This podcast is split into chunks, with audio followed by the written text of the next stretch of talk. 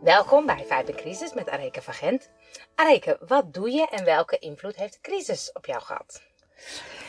Nou, dat is een hele leuke vraag.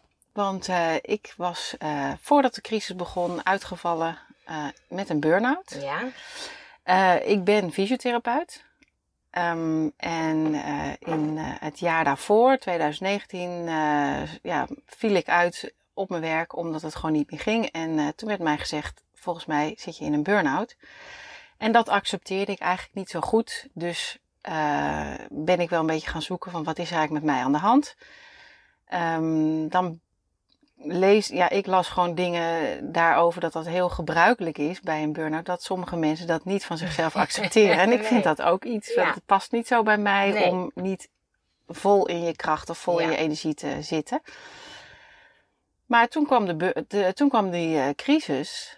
Um, en toen merkte ik, ik kon eigenlijk niet meer goed terug naar mijn werk in die tijd. Ja. Maar ik merkte heel duidelijk, ik moet wat doen. Ik wilde echt in de actiemodus.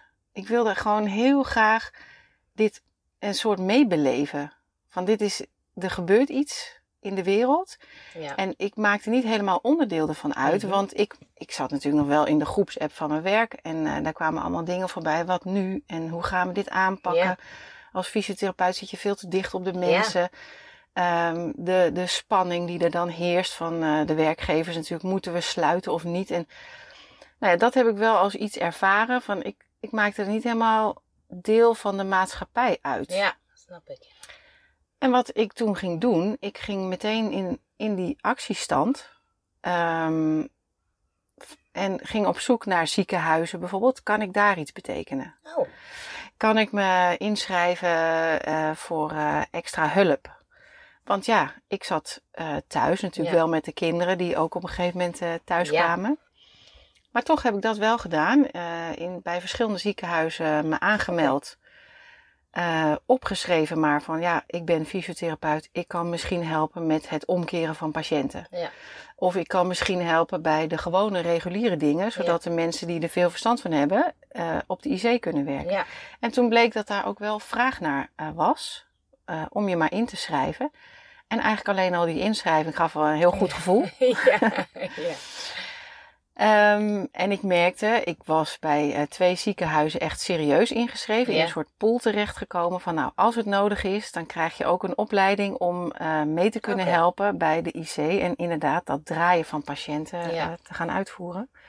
En zover is het helemaal nooit gekomen. Nee. Ik kreeg wel weer allemaal bedankbrieven. Dat, Oh.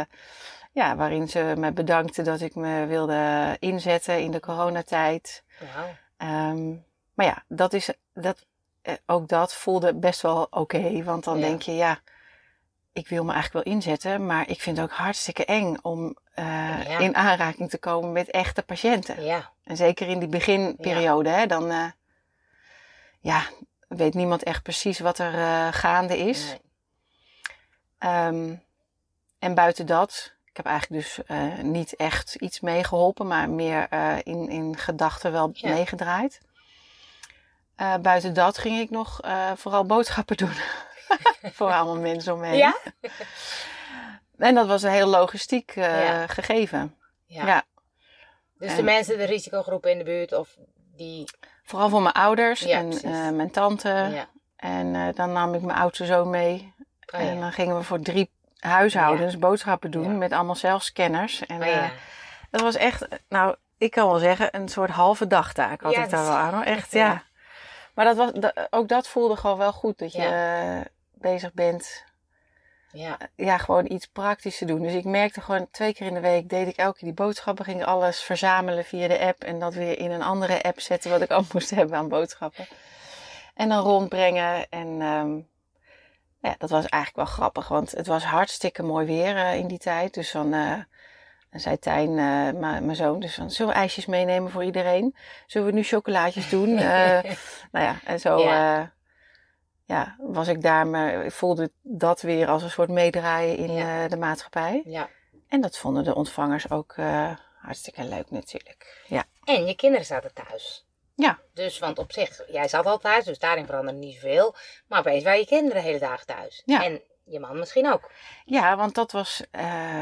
Uh, ik was natuurlijk al thuis. Ja. En toen kreeg mijn, eh, maar ik ben niet getrouwd. Hey, wist Hij is wel, mijn hoor. vriend. Wist ik heus wel. Ik vind het een leuk linkerman. Ja, maar ik zeg ook altijd mijn man. Ja? Nou, zie je het wel. Dus het mag wel eens een hand zijn. Maar hij kwam eh, thuis van een, een skivakantie met een gebroken schouder. Oh ja.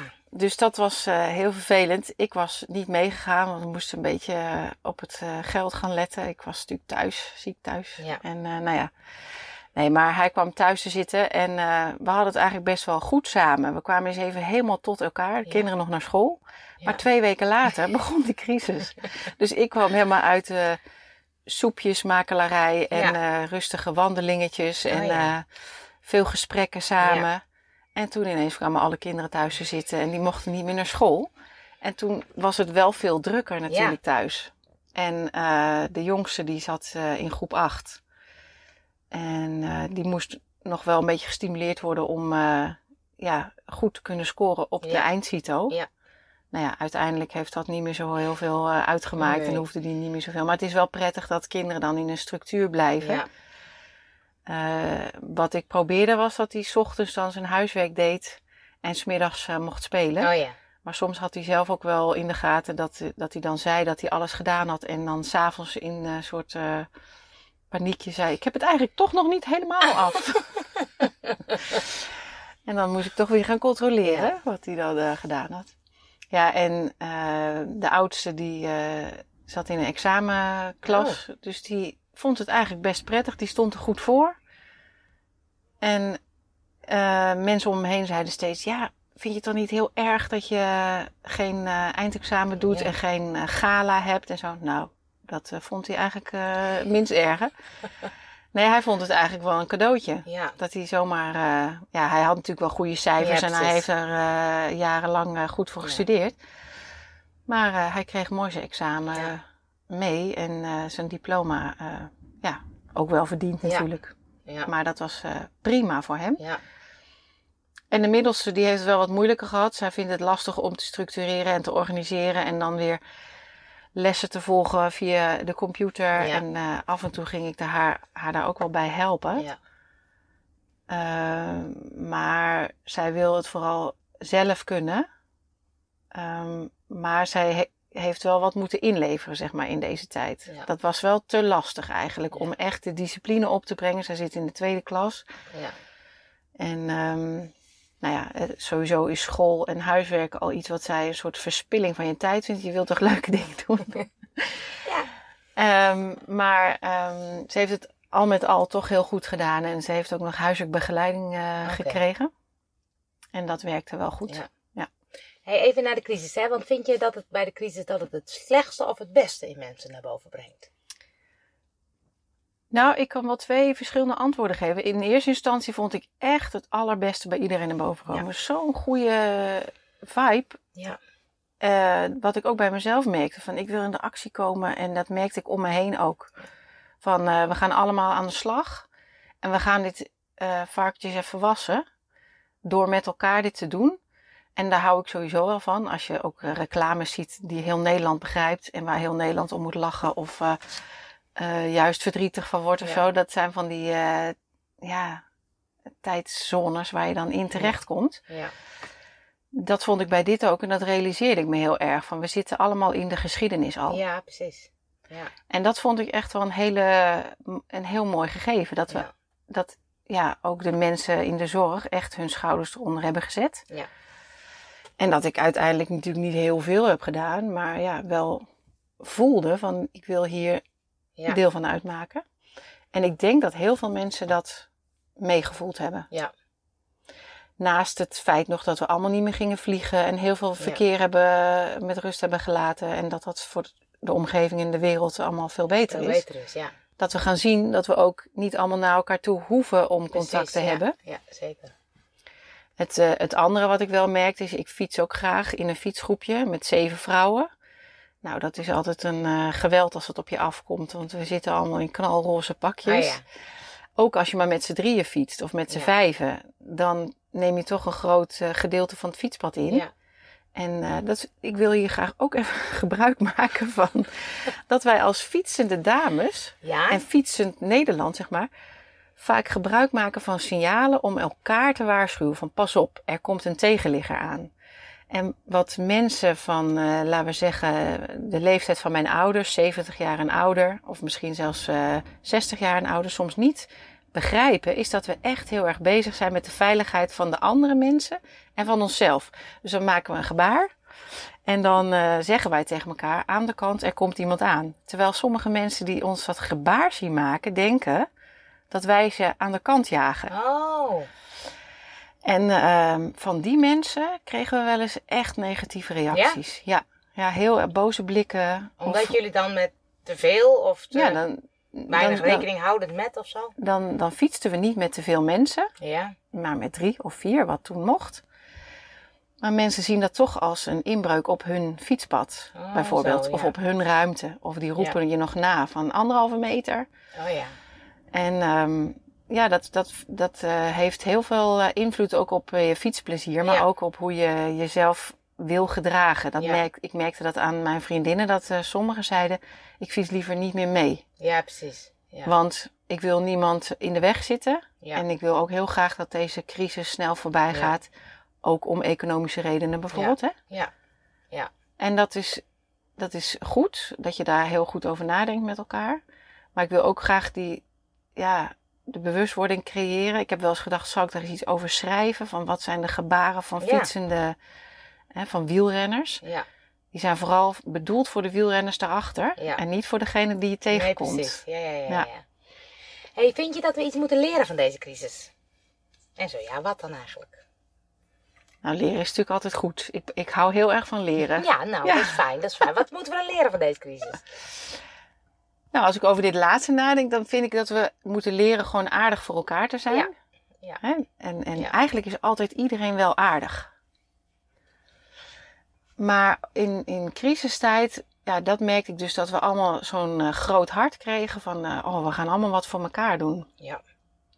En we, we nemen het op voor elkaar en we zorgen ervoor dat, eh, nou ja, in dit geval de oudere medemens het niet te zwaar te verduren krijgen. Dat mag voor mij wel altijd. Ja.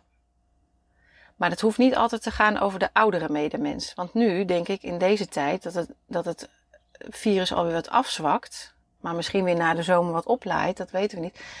Dan kun je ook weer goed gaan kijken naar ondernemend Nederland. Ja, Hè, van hoe zwaar is het voor deze mensen en Ja. hoe kunnen we die helpen? En moeten we niet juist allemaal uit eten gaan een paar keer? Of Ja. in eigen land op vakantie om het er allemaal weer eh, bovenop te krijgen?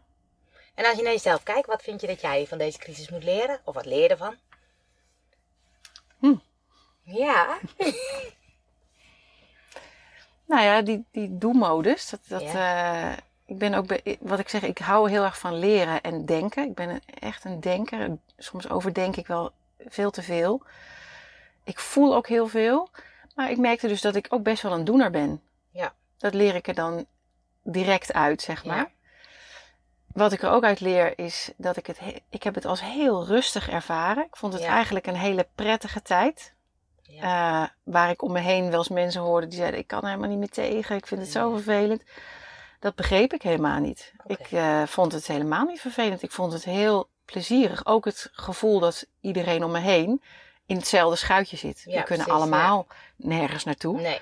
Dus ik hoef ook nergens over na te denken of Oh, ik ja. wel het leukste doe van Ja. wat eh, mijn vrienden allemaal doen. En of ik mijn vrienden wel genoeg aandacht heb gegeven. En Die of ik zitten wel... allemaal thuis. Ja, we zitten allemaal thuis. We doen allemaal precies hetzelfde. Vond ik een heel rustig idee. Ja, dat is waar. Ja. Dat leert, dat is echt iets wat ik over mezelf heb geleerd. Ja. Joh, je kijkt wel heel veel naar anderen. ja. En dat zeg ik niet zo graag hardop, maar het is wel waar. Heel Ja. heerlijk. Heel heerlijk. Ja, van wat doen we allemaal? En ehm, nou, dat merk ik nu ook weer weer. Van we hoeven het niet allemaal groter en gekker te Ja. doen. Hè? Dat, eh, dat is eigenlijk ook niet nodig. Ja. Maar dat is wel een lesje voor mezelf. Mooi. Mooi. hey, en wat ga je dan anders doen in, na deze crisis? Zullen we het allemaal anders doen? Ja, hoe ga jij het anders Nou- doen? Wat denk je dat ga ik erin houden? Of dat zou ik mee willen Nou, nemen? die, eh, ja, kijk, ik ga nu weer beginnen met denken over ga ik ooit weer werken en Ja. ga ik dat weer goed doen en dat gaat Ja. vast gebeuren. Nou, dan wil ik meenemen dat die rust voor mij wel heel goed is. Ja. En dat er dus geen gekte moet plaatsvinden rondom alles wat je in je hoofd creëert, dat zijn vaak de gedachten over dingen die het zo moeilijk maken. Want de situatie verandert niet. De, Ja. de gebeurtenis is allemaal hetzelfde. Dat weten we ook eigenlijk allemaal Ja. wel. Maar ik heb ook veel gedachten die het voor mezelf niet makkelijk Ja. maken. En dat wil ik eigenlijk proberen vast te houden. Ja. Maar, Angel, dat is net alsof je uit een vakantie terugkomt. Zeg je ook altijd tegen Ja. jezelf: Ja, dit was echt een goede. ja, dan ga ik het vasthouden. ja, dit wil ik eigenlijk nog wel een paar weken zo vasthouden. En dan weet je ook dat je dat een weekendje nog lukt. en dan is het weer voorbij. Dus het is een uitdaging.